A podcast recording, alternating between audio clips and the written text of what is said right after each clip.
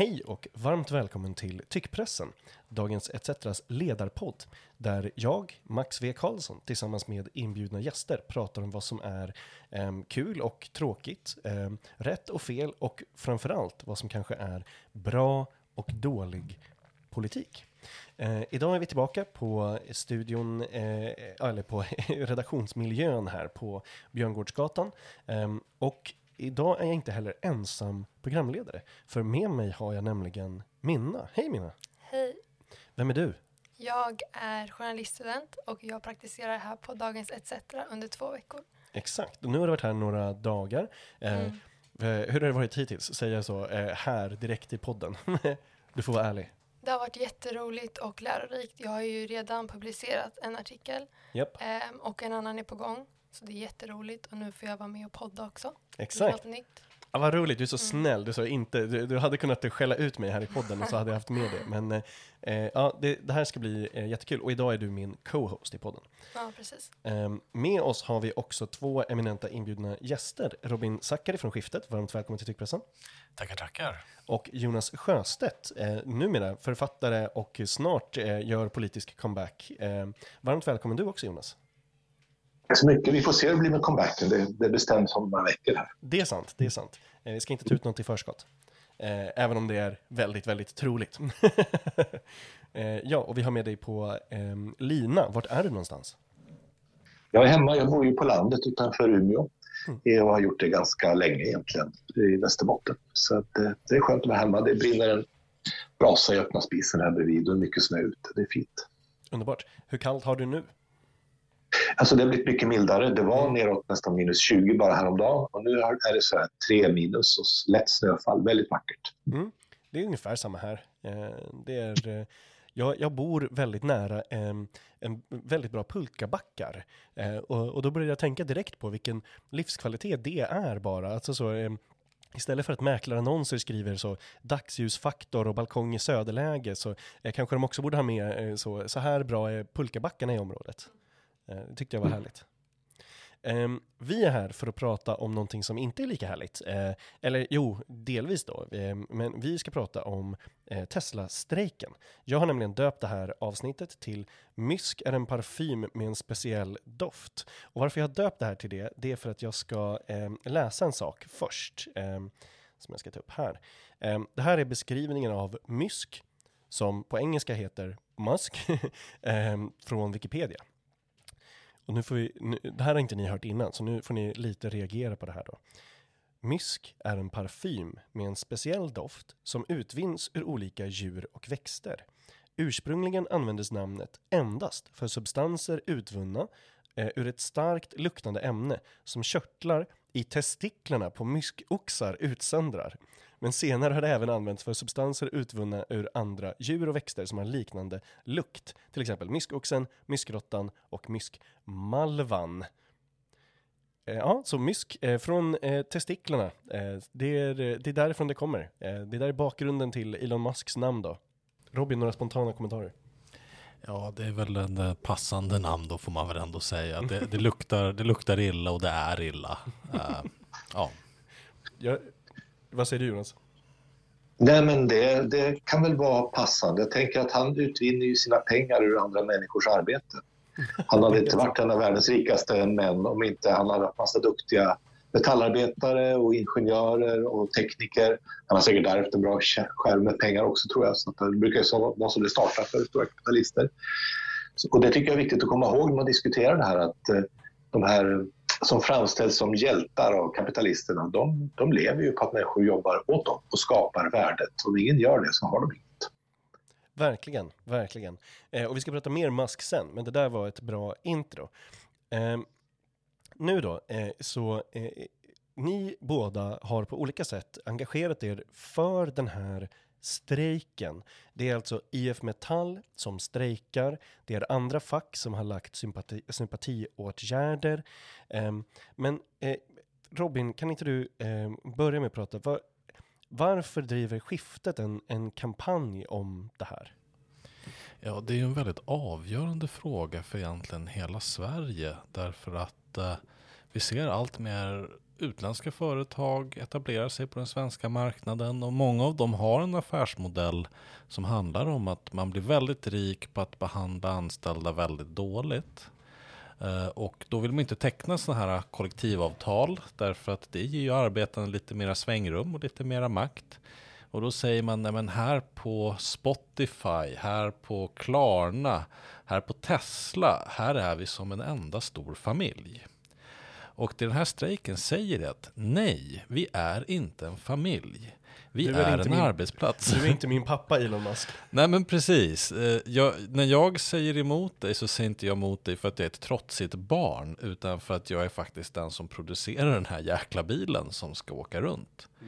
Och det tycker vi är väldigt viktigt och sådana här strejker, eh, det är sällan vi har det i Sverige. Men när vi har dem så lever och dör de på, mycket på det folkliga stödet. Om folk håller med om det här.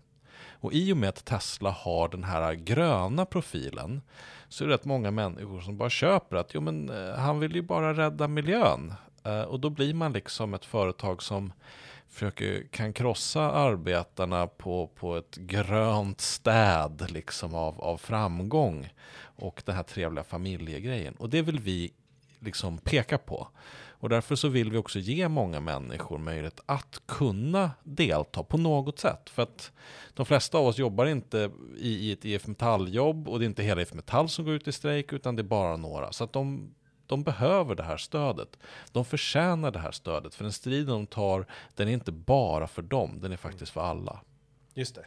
Eh, ja men så, verkligen skapa det här sociala trycket då. Eh, bara för att det, det är, det, det blir jobbigare för dem att, eh, för Tesla att försöka liksom bråka i motvind.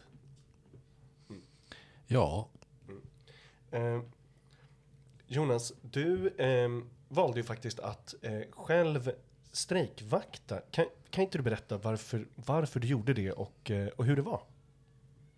Ja, alltså jag har ju en bakgrund av att ha jobbat på den största industrin här i Umeå, Volvo lastvagnar, som montör innan politiken började ta all min tid. Jag var ju självklart med i Metall och hade några mindre förtroendeuppdrag, inget viktigt. Men jag känner ju många av dem som är fackligt engagerade i stan, också en del från andra industrier. Och eh, det är ju mina vänner, det är mina, delvis mina gamla arbetskamrater. Och det ska man veta att de som står utanför Tesla i Umeå till exempel, det är ju vanliga metallarbetare från industrierna i Västerbotten. I solidaritet med de som jobbar på Tesla, en del av de som strejkar på Tesla står också strejkvakt, även om det är ganska tufft att göra när man möter sina strejkbrytare och chefer och sådär också. Och jag tycker det finns, någonting, det finns väldigt fint i att vanliga knegare tar ledigt från sina skift eller kommer direkt från skiften och ställer sig i 15 graders kyla, pratar lugnt och stilla med folk och övertygar om att de ska gå- gå med i facket. Och I grunden handlar det om att även de som jobbar på Tesla är värda den trygghet och de goda villkor som finns i ett kollektivavtal. Och det är det som förnekas. Att man strejkar beror ju på att de på Tesla vill strejka och vill ha kollektivavtal. Och Umeå har ju är då merparten fackligt organiserade, merparten är ute i strejk. Tyvärr är det inte lika starkt på alla håll, det är väldigt ojämnt organiserat, men här är det så. Och det är de här metallarbetarna som man vill förneka deras rättigheter. Att veta att man får löneförhöjning som alla andra, att man har rätt till försäkringar som alla andra, arbetstidsförkortning. Och sen tänker jag också att när man ser då vilken press företaget, de plockar liksom ut folk en och en och pratar med dem och säger du ska väl inte strejka, och är du med i facket och, liksom och sådär. Och du kan få högre lön kan de antyda om du inte strejkar och så. Det är just därför man behöver kollektivavtal, därför att då kan man inte göra så. Därför att då har man gemensamma rättigheter, då står man på samma golv. Så det faktum att man kan så att säga, sätta sån press på, på de här teknikerna idag hänger ihop med att de inte har kollektivavtal än. Så det är faktiskt ett väldigt starkt argument för kollektivavtalet. Mm. Ja, verkligen. Och, och, eh, du var lite inne på det i det, men varför, var- varför ville du just gå där då? Vad, vad, vad var det som gjorde att du, att du tog det steget? För att du menar, man kan hålla med om alla de här sakerna och ändå inte eh, ställa sig i kylan. Nej, men jag tycker att det är eh, givet. Det är ju liksom, facket är dess medlemmar. Facket är inte starkare än de man organiserar. Högern vill gärna måla upp den här bilden att facket är ett par gubbar som sitter på ett kontor i Stockholm med massor med pengar. Mm. det är ingenting, utan facket är medlemmarna. Och det är de som vill ha den här konflikten, därför att de vet också vad som händer ifall företag efter företag gör som Tesla. Då bryter man upp möjligheten att agera gemensamt för trygghet och goda villkor. Och det tycker jag var så tydligt när jag pratade med de här montörerna så som står där. De, de vet precis vad det här handlar om. Det handlar om Teslaarbetarnas villkor, men det handlar i slutändan om allas villkor på arbetsmarknaden. Ja, det är väldigt intressant. Och nu då har vi ju sett att det har lett till en hel del eh, sympatiåtgärder. Ehm, eh, det handlar ju om att svenska fack fortfarande har en väldigt stark möjlighet att eh, ja, men, eh, helt enkelt visa sympati genom handling, genom, eh, eh genom att agera för de andra. Ehm, elektrikerna till exempel har ju sagt att inga Tesla-laddstationer kommer att fixas om de blir trasiga under den här tiden.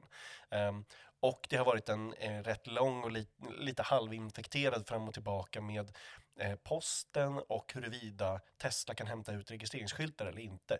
Just nu är det ju inhiberat, alltså läget när vi spelar in den här podden är att inga registreringsskyltar kan hämtas eh, just nu. Och det är ju väldigt effektivt då för att sätta press.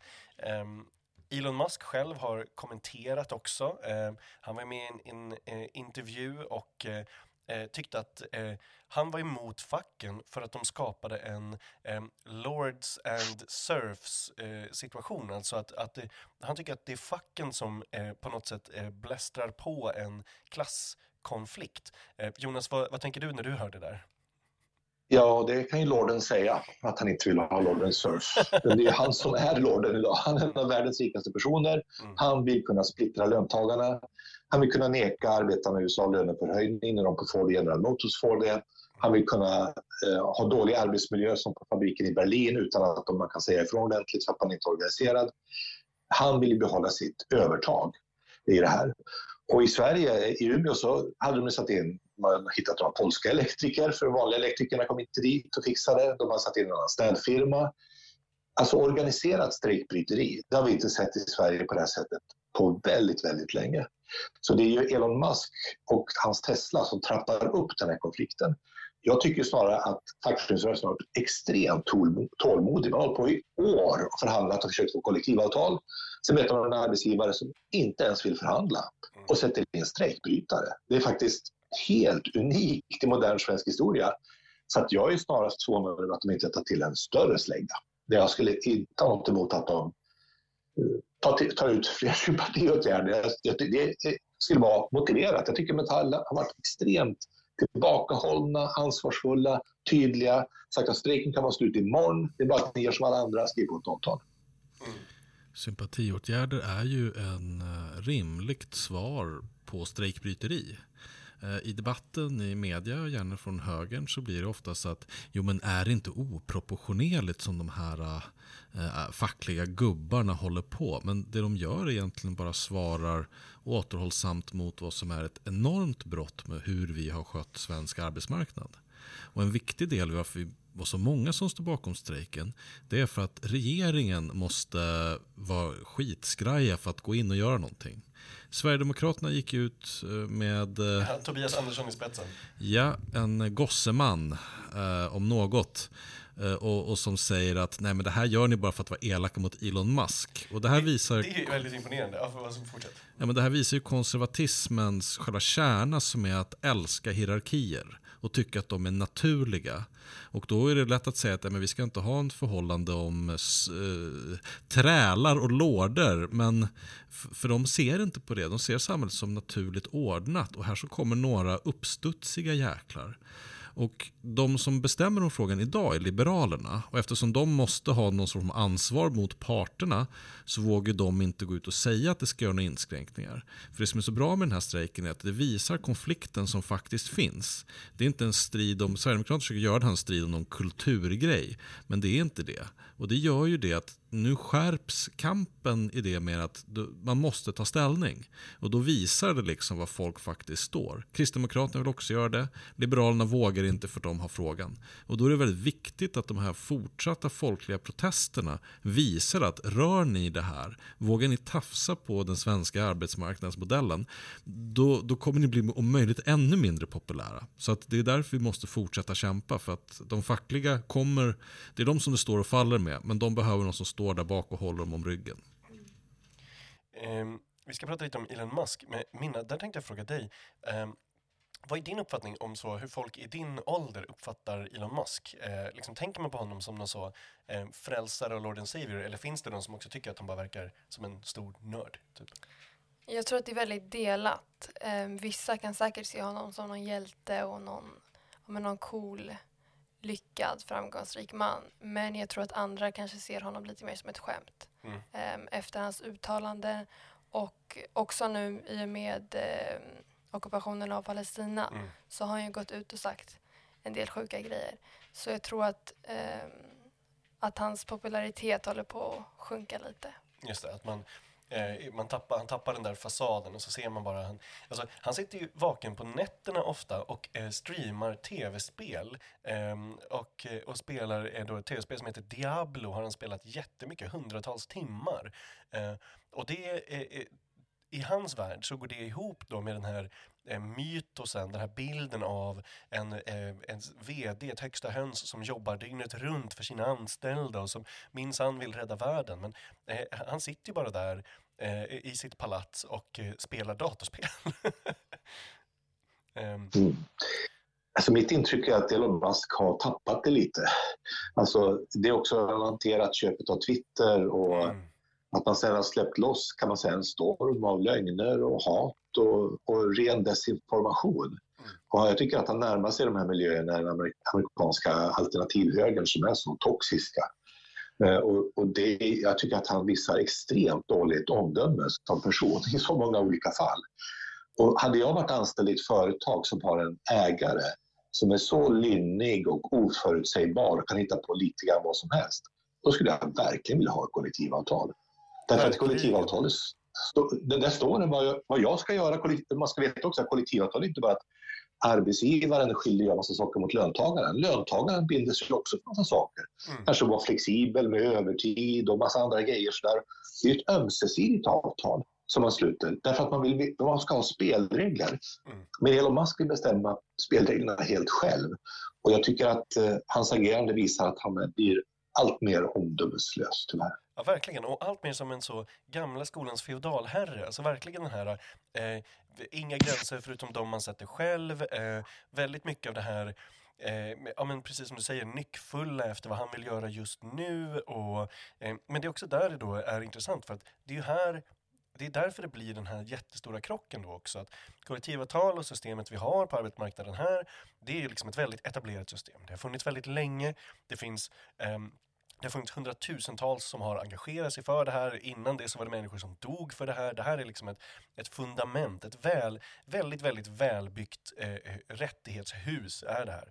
Eh, och så möter det det här eh, väldigt rörliga, snabba, ehm, eh, lite liksom eh, mesiga eh, Elon Musk. Det blir lite så ehm, att, eh, att det möter ett immovable object och så ser vi den här krocken nu då. Men skiljer sig inte USA och Sverige lite grann? Jo, jättemycket. På den frågan? Jo, jätte, jättemycket. Mm. Eh, och det är en bra fråga i att eh, i USA så har ju Elon Musk ännu mer att eh, säga till om än vad man har i till exempel Tyskland och Sverige. Just för att vi de här åtgärderna, som till exempel kollektivavtal och medbestämmandelagen och, och det här som rör allt det här runt omkring också, eh, förtroendemannalagen och sånt, det är ju maktutjämnande. Det är ju gjort för att bygga eh, Ja, men för att jämna ut den enorma maktbalans som finns mellan världens rikaste man och en servicetekniker i Umeå. Eh, men mm. eh, samma typ av åtgärder finns ju inte i USA, samtidigt som vi ser ett jättestort fackligt uppsving även i USA. Eh, mm. jag, tror, jag tror att det, det, där tror jag spelar roll. Alltså det är klart att strejken i Sverige handlar, den handlar liksom om att teknikerna på Tesla ska ha samma rättigheter som andra tekniker. Det är liksom det det är. Och det, här sluter vi kollektivavtal och det fungerar bra och det är få konflikter och tydliga regler och sådär. Men jag tror ju att Teslas liksom makthavare tänker på att det här trycket finns ju i deras stora fabrik i Tyskland utanför Berlin. I, USA så är ju bilarbetarna en av de få yrkesgrupperna som har starka fackföreningar. Men det är ju vissa märken då, vissa, alltså framförallt runt de klassiska bil, Detroit och de här städerna. Och några har ju då lyckats att inte organisera sig och väldigt mycket tyder på att bilarbetarna vill organisera sig i USA också. och det, det, det är liksom, så det går ju en röd tråd från strejkvakterna i Upplands Väsby och Jönköping och Umeå till fabriksarbetarna i Berlin, teknikerna i, i Norge och bilarbetarna i USA. Och därför finns det ju en större laddning i den här konflikten och det är därför också det är så bra att IF Metall tar den här konflikten rakt upp och ner. Det är ju, det är solidaritet med Tesla-anställda, det är egenintresse av att ha ordning och reda på arbetsmarknaden, men det är också internationell solidaritet. Ja, verkligen. Eh, Robin, om jag frågar dig, är världens rikaste man också världens smartaste man? Nej, det är han verkligen inte. Eh, därför att många kanske tror att om du blir allra rikast så har du alla smartast. Men så funkar inte riktigt ekonomin. Eh, om man ska bara lite kort berätta mer om Elon Musk. Han är, liksom, han är född i, av en vit sydafrikansk man. Eh, och jag tror att hans morsa var från Kanada. Eh, han är uppvuxen med ett privilegium som väldigt få har. Nämligen farsan ägde en, en smaragdgruva. Så han har liksom haft den här entreprenörsmyt, drömmen om att få göra en massa grejer, slänga en massa grejer mot väggen och se vad som funkar. Eh, sen har Elon Musk varit extremt, det han är bra på, det är att sälja sig själv. Han är en fantastisk maskot och han har varit det. Men genom alla åren så att så fort någonting har blivit ganska seriöst så har han blivit kickad. För att man kan inte ha en, en liksom sån galenpanna. Och det Jonas säger och många märkt är att han har blivit allt knäppare den senaste tiden. Och det är förmodligen på grund av att han, han gör lite för många saker samtidigt. Eh, men också så finns det här materiella i att, ja, det ena är att han förmodligen har självmedicinerar ganska kraftigt. Yep. Uh, och därför säger han jättekonstiga saker. Har till och med sagt vilka tabletter han tar. Så jag, liksom, jag, jag, jag avslöjar ingenting här. Eh, men också det som händer nu är att eh, när Elon Musk blev rik så var ekonomin ganska uppdopad av väldigt låga räntor. Det var billigt att låna pengar. Och då kunde stora riskkapitalfonder bara pumpa in pengar i grejer. Och nu börjar de där pengarna ta slut. Och då måste man försöka göra lönsamhet av någonting. Och därför försöker man göra lönsamhet av Twitter genom att byta till X och få folk att betala för det där men ingen vill det. Och, och måste... skämma ut annonsörerna som lämnar vilket känns som en dålig affärsstrategi. ja och han är inget affärs affärsgeni. Han är liksom en maskot. Eh, och om man väl förstår honom som det så blir det så mycket lättare att klä av den här mytbildningen som många människor som står upp för honom vill liksom få oss att tro att han kommer få oss att åka till Mars. Eh, det här är ingen, ingen chockerande sak jag säga, men Teslas bilar är inte särskilt bra. De är ökända för att låsa sig när det börjar brinna på grund av att Elon Musk tycker att det var coolt att man hade ett handtag som satt precis in i bilen. Medan de flesta andra bilar har ett handtag som sitter utanför. Och det är inte bara för att de är gamla liksom, stockkonservativa tyskar med sås på slipsen, utan det är för att det finns en säkerhetsreglering. Elon Musks senaste bil, eh, Cybertruck, är inte tillåten att ha i Europa. Och det är för att den har inte så kallade deformationszoner. Det betyder att om du krockar med den där bilen, då kommer det gå åt helvete för både dig och den som krockar med dem. Så att det är väldigt mycket det här med kapitalismen som har så här break, eh, eh move fast, break things. Det kanske funkar om du ska bygga en hemsida, men om du ska bygga en bil, ja men då, då har folk eh, berättigade intressen av att den här bilen inte ska åka runt och vara livsfarlig. Eller köra över andra som är self-driving eh, eh, biten i de här bilarna också. Eh, och det här är ju återkommande i, i storyn om Musk, en, en nästan gränslös mani och sen bara lögner om vad som funkar och inte funkar.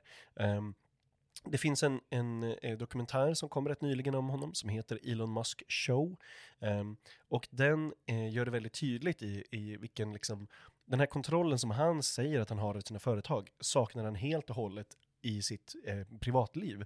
Eh, och, han är liksom impulsiv, omogen och lynnig. Eh, jag ska dela med mig av en scen i den här dokumentären till er. Eh, en av hans exfruar, eh, den brittiska skådespelaren Talula Riley, eh, hon berättade i den här dokumentären om ett tillfälle när paret firade jul i bergen i Colorado. Och Musk hade glömt att köpa en julklapp till henne. Då, eh, eh, och det här är alltså på, på julen, då lämnar han huset mitt i natten i bara t-shirt och mjukisshorts och kommer tillbaka flera timmar senare med en blombukett som han har gjort av blommor han grävt upp under snötäcket. Eh, han menar att det här skulle vara liksom ett tecken på hur mycket han älskade Tallulah Riley, men det är ju bara en en, en gränslös mani av någon som är liksom farlig för sig själv och andra. Det är inte särskilt romantiskt. Ja.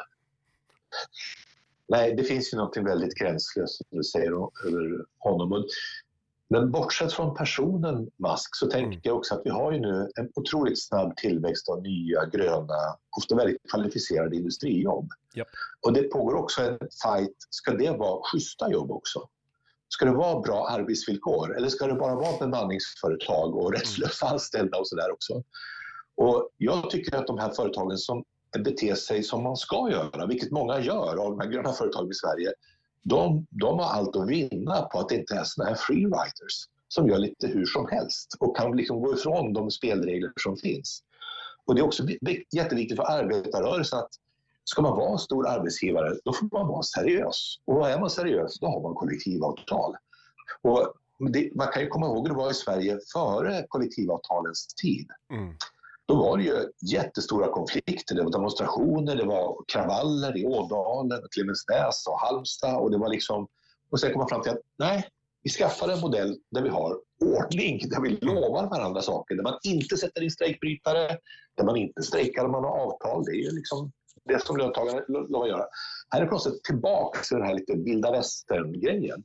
Men det är ju inte ett speciellt bra modell. Inte för samhällsutvecklingen, inte för reallöneutvecklingen och inte liksom för eh, den industriella utvecklingen heller på sikt. Mm. Nej, verkligen. Eh, ja, men, och vi pratade lite om det här i början, men högern och näringslivet vill ju nu Eh, eller det enda de säger om den här strejken, det är ju antingen eh, Elon Musk är jättesnäll, sluta mobba honom, eller att de då vill inskränka möjligheterna till just sympatiåtgärder. Senast idag skriver Centerpartiet om att just inskränka det i en debattartikel i Aftonbladet eh, med rubriken Sympatistrejkerna mot Tesla har gått för långt. Reglerna måste ändras när oskyldiga företag drabbas. Eh, och eh, eh, eh, eh skulle vilja fråga er då, men så här, vad, varför vill de göra det här? Eh, och eh, eh, vad, vad, skulle hända om man gjorde det? Vad, vad är högerns mål med att inskränka de här sympatiåtgärderna? Vad säger du Robin? Ja, alltså som jag sa innan också, sympatiåtgärder är ju ett rimligt svar på strejkbryteri. Så när man pratar om balans på arbetsmarknaden så pratar man aldrig om den biten. Man pratar bara om hur facken skadar. Men det det Tesla gör nu är faktiskt att skada alla andra bilföretag.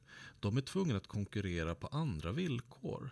Alltså också här, Sverige behöver faktiskt inte Tesla. Det finns andra elbilar. Det är inte någon liksom magisk sak som händer. Det är en extremt dyr bil, det är en statusmarkör och det är väl kul för de som tycker att det är roligt. Jag har själv åkt i en Tesla, den gick väldigt snabbt, det var kul. Liksom. Men det kan inte vara grunden för hur vi ska bygga ett samhälle. Så att jag skulle säga till Centerpartiet, ja, alltså jag kan ju tänka mig att ta bort rätten till sympativarsel. Men då får man göra om hela arbetsmarknaden så att det inte finns någon rätt att ta in strejkbrytare. Alltså det, här, det, det, handlar om balansen. Och det de vill göra är att säga att en utslag av den här balansen, den är förbjuden. Så att det handlar mer eller mindre om att du vill ta bort makt från arbetare och ge dem till stora företag. För att det är bekvämt med ett företag som har en grön profil. Det är liksom det som är deras väg in här. För ingen hade liksom, hade det varit ett oljebolag, då, eh, liksom, tänk om Preem med deras stora raffinaderi nere på västkusten hade gjort det här. Då hade de nog varit ganska tyst om det. Eh, så att det är den här gröna, där man ibland kanske kan lite slagordsmässigt kalla för liksom en, en progressiv nyliberalism som liksom går in där. Och så använder man det här konservativa. Så Elon Musk de här tycker ju att det finns en naturlighet i att han måste kunna vara nära sina anställda. Kollektivavtalet står ju i vägen för det här, för att den här nära, älskande relationen som han så det han beskriver är ju en patron, brukspatrons liksom idé. Men, men han ser det som att han, han står bredvid dem. Han, står, han, han är dem. Och det här konservatismen är att det finns samhället är som en kropp. Sen finns det några som av naturliga skäl i huvudet och sen är några fötterna. Men det ska inte vara någon konflikt mellan dem för hela kroppen måste liksom hänga, hänga ihop. Och Centerpartiet är ju ett liberalt parti så de kanske inte har de allra mest konservativa övertonerna i sin argumentation. Men det är härifrån det liksom kommer. Vad man, I slutändan man kokar ner det till det så kommer Centerpartiet ha snälla argument medan eh, Sverigedemokraterna och Moderaterna och Kristdemokraterna kommer ha elaka argument. Men, men, men fundamentet de står är detsamma. Det är att arbetare ska veta sin plats och hålla käften så att de som vet någonting kan göra det allra bästa för allihopa. Vad säger du Jonas, är, är arbetsrätten för mycket på arbetarnas sida? Är det, är det för lätt att göra den här typen av åtgärder? Du skrattar, ja? Nej, tack. Nej, tvärtom har vi genomfört ganska stora försämringar av arbetsrätten i Sverige de senaste åren. Och det är ju, tycker jag är dåligt. Man ska också veta att vi i Sverige strejkar mycket mindre än motsvarande länder. Mm. Och det beror mycket på att vi har starka kollektivavtal och välorganiserade fackföreningar. Så de som pratar liksom om ordning och reda på arbetsmarknaden, de borde älska den svenska modellen. Men jag tycker det är så tydligt att borgerlighetens mål är att bryta ner arbetarrörelsens fundamentala styrka. Det ger man sig på folkbildning och studieförbund. Man ger sig på fackföreningarnas möjligheter att ta strid för sina rättigheter. Man ger sig på Socialdemokraternas finansiering. Man vill liksom försvaga den kraft som har byggt upp mycket av det bästa i Sverige. Och, så det är, det är djupt politiskt när de gör det här. Eh, men, men, och ger sig på fackföreningsrörelsen på det här sättet. Och jag tycker det är viktigt att det, det, det, är inte en politisk konflikt och politikerna ska inte styra. Det är en facklig konflikt och den måste få verka ut som, som, en, som en facklig konflikt. Mm. Men i det offentliga samtalet är det jätteviktigt att försvara det här. Att, att har man inte grundläggande rättigheter som kollektivavtal ger, då har man rätt att ta strid för de rättigheterna. Och man har rätt att andra visa solidaritet. För det är också, strejkrätten är grundlagsfäst. Det är en av våra rättigheter som vi har. Tar man bort den, det är liksom auktoritära stater som börjar inskränka på, den här, på strejkrätt och sådana saker också. Mm. Och jag, jag är ju som bekymrad för tillståndet i svensk borgerlighet. Jag tycker man tappar det man liknar Sverigedemokraterna i retoriken på området. För man kan säga lite vad som helst. Man blir mer och mer liksom, hetsar upp varandra till det, liksom det extrema. Det, det, är dåligt tror jag, både för liksom, samhällsutvecklingen och, och debattklimatet. Det här är helt rimligt att arbetare som inte får sina rättigheter tar konflikt för att få dem. Då visar det sig hur nödvändiga arbetare är. Att utan arbetares arbete så funkar inte samhället. Ja, men jag har en fråga, Jonas. Det, det, ja. Jag en fråga. Eh, hur tror du att strejken kommer att påverka Tesla som företag på lång sikt? Alltså det är helt klart att det påverkar bilden av Tesla. Det här är ju någonting som skildras i Financial Times och i Singapores nyheter och överallt. Och den här imagen som Musk lyckades bygga upp under många år, den har ju fått hårda törnar både av utvecklingen med Twitter och, och av det här. Nu framstår ju han som den liksom maktfullkomliga och giriga person som han verkar vara. Och jag vet inte om de förmår ta in vilken skada det gör mot varumärket Tesla. Men om de har lite liksom bakom pannbenet så, så skulle de nog försöka lösa det här ganska snabbt. Därför att på något sätt så vänder de sig till en, en miljömedveten konsumentgrupp som vill ha en häftig bil men som också vill köra på el och inte på fossila bränslen. Så jag tror det skadar Tesla ganska rejält. Frågan är om de agerar rationellt eller om det är liksom hans tjurighet som får avgöra det här. Ja. Men vet ni om det är någon ny förhandling på gång? Ja, det, det, är lite oklart vart det ligger just nu, men det som man däremot har kunnat se då, det är att eh, andra nordiska fackförbund också börjar ta strid för det här. Så nu har redan eh, eh fack i Danmark och Norge och även i Tyskland pratar man då om eh, ja, mer av eh, att man ska sätta nordisk press på det. Eh, sen vet jag inte exakt hur det ligger till med, med det lokala förhandlingsläget. Eh, och jag vet inte heller vad, vad IF Metall planerar. Problemet är väl att Eh, eh, eh, som jag förstår det så IF Metall är ju ständigt beredda att förhandla men Tesla har liksom meddelat att de vill inte förhandla om kollektivavtal. De har liksom stoppat det innan det har börjat. Så bollen ligger ju hos Tesla. Skulle Tesla säga okej, okay, vi löser det här. Vi, ser, vi hittar en modell, vi får kompromissa. Då skulle det här, då skulle man börja jobba imorgon antagligen. Ja, exakt. Och att det är ju inte heller så att de som strejkar ser liksom ett egenvärde bara i att de vill strejka. Det, det, kan också låta så ibland, att det låter som att de som strejkar bara gör det för att de tycker att det är kul på något sätt. Liksom, här har de ju mål. Eh, de har ju ett väldigt, väldigt konkret mål. Eh, Sen så hoppas jag, alltså, det var lite, det var lite kul att det var så många amerikaner som blev upp, eh, som tyckte det var eh, intressant att IF Metall har så otroligt stor strejkkassa, så att de sa ju att ja, men vi kan stå ut med det här precis hur länge vi behöver. de, ju, de, de, de, de diskuterar det de diskuterade utanför verkstaden i Umeå, är det 100 år eller 200 år som vi har i strejkkassan så vi kan strejka på Tesla? Och det är utan de liksom, betalningar som kommer in. Så det är klart att Metall kan ta det här i botten om, om man vill. Men och det, det, tycker jag också är så tydligt när man pratar med folk. Målet är ju att vi ska lösa det här. Målet är att Tesla ska bete sig som ett normalt företag i Sverige.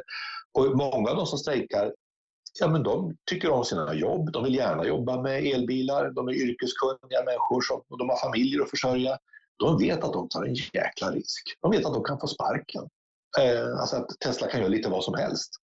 Och det, och det, är också därför tror jag som det har varit många tvekat att gå med i IF Metall och strejka. Därför att man inser att det här företaget, det är inte ett normalt företag som vi har att göra med. Och just därför är det så viktigt att fackföreningsrörelsen vinner det här. Ja, om det var så roligt att strejka så skulle folk gjort det mycket mer i Sverige i ärlighetens namn. Eh, det är verkligen det sista vapnet eh, som fackförbunden använder sig av i Sverige och vi har väl haft en tradition där vi kanske har liksom glömt lite hur man strejkar. Eh, så att jag tror att IF Metall har gjort en väldigt stor analys. Och eh, ibland nämns Tyskland. Alltså i Sverige så, är, så har ju Teslas närvaro i ju att bilar finns och att de behöver repareras. Eh, I Tyskland tillverkas de. Så att där ligger ju verkligen en nyckel. Och vi har ju sett nu att det är i Danmark, Norge, vem vet det kanske finns Finland. Det kan komma fler och det känns som att IF Metall har en lång plan om liksom eskalering av det här. Och vi då som skiftet som är en folkrörelse har ju också en plan för vad vi ska ta för nästa steg. Vi har ju startat en namninsamling, vi delar mycket på sociala medier och nu så håller vårt team på att eh, klura på en nästa steg och idé som vi kan liksom hjälpa till för att låta fler människor delta i den här strejken. För vi känner att det finns ett jäkla tryck att folk som liksom jobbar på andra ställen önskar att de kunde göra någonting mer när man ser de här eh, eh, fack liksom i varselvästarna står där och, och strejkar. Och, och, som du sa Max innan, att det finns en stor konflikt krockkulturellt mellan liksom det nordiska och eh, Elon Musk. Alltså det, det, är ett företag som kommer från Kalifornien och där är det en solskensstat där de som bestämmer har pengar men de vill också ha ett samvete. Man, eh, liksom, katalysatorn till bilar kommer från Kalifornien för man vill vara rik och konsumera allt men man vill också känna att man är en god person. Och många av de där människorna har ju stött på patrull där det visar att Elon Musk inte kanske har den idén om att han ska vara en god person. Eh, så det finns en stor varumärkesskada där för dem. Och en av de största problemen för Tesla nu är att andra företag tillverkar väldigt bra elbilar. Tidigare var det mest Tesla för att de var nya och de tog vissa risker. De använde batteritekniker som ingen annan använder för att den är så jäkla farlig. Och det kan inte du göra om du är BMW. För om människor börjar brinna i dina bilar då skadas hela BMW liksom eh, av detta.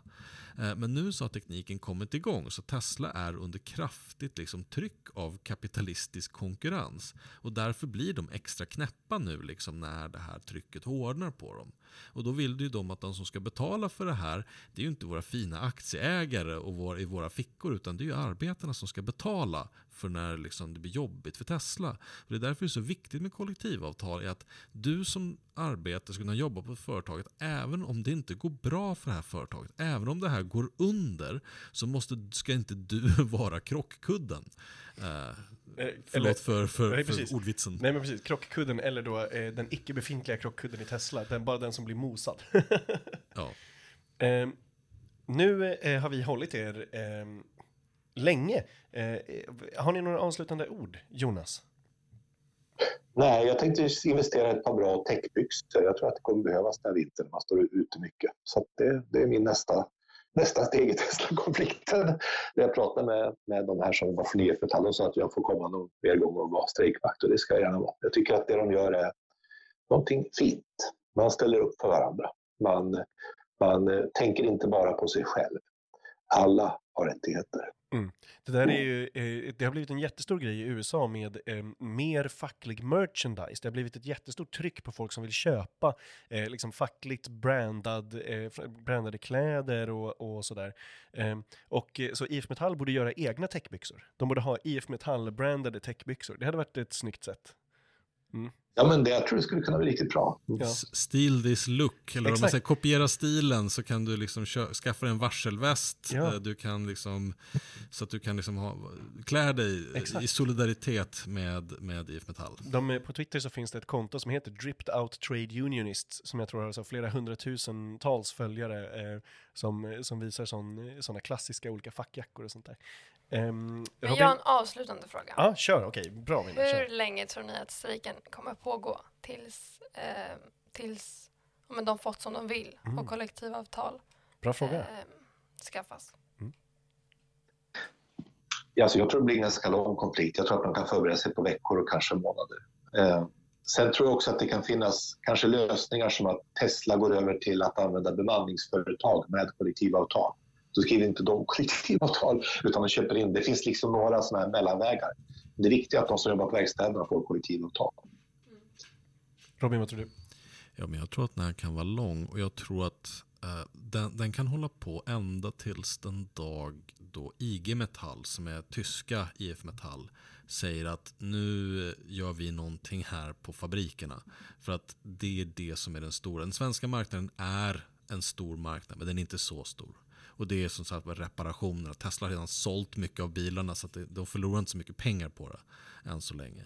Eh, så att sekunden tyska IG Metall säger okej nu går vi ut i strejk, då, då blir det kollektivavtal därför att då, annars läggs liksom Teslas största biltillverkning i Europa bara ner.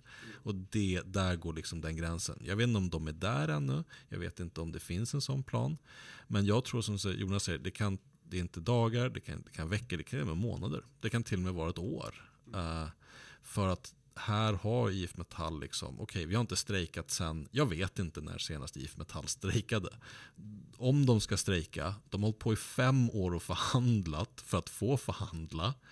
Eh, Jag hoppas att de har den i sig att de kan hålla ut och hålla i. Super, med de orden så eh, säger vi tack så himla mycket för att ni lyssnade på Tyckpressen den här veckan. Vi är tillbaka redan nästa vecka. Och just det, en liten uppdatering om liveavsnittet vi gjorde på ABF. Jag försöker rädda det ljudet eh, just nu. Det var nämligen så att den utrustningen som vi eh, lånade från ABF-huset där eh, inte var helt eh, fungerande. Men vi har backup. Så ehm, Antingen så kommer det ett räddat avsnitt i ert flöde eller så kommer det eh, någon form av redogörelse för det här förlorade avsnittet då. Men vi säger stort tack till dig Robin Tackar, tackar. och tack till dig Jonas för att ni var med. Tack för att jag fick vara med i detta viktiga ämne. Tusen tack.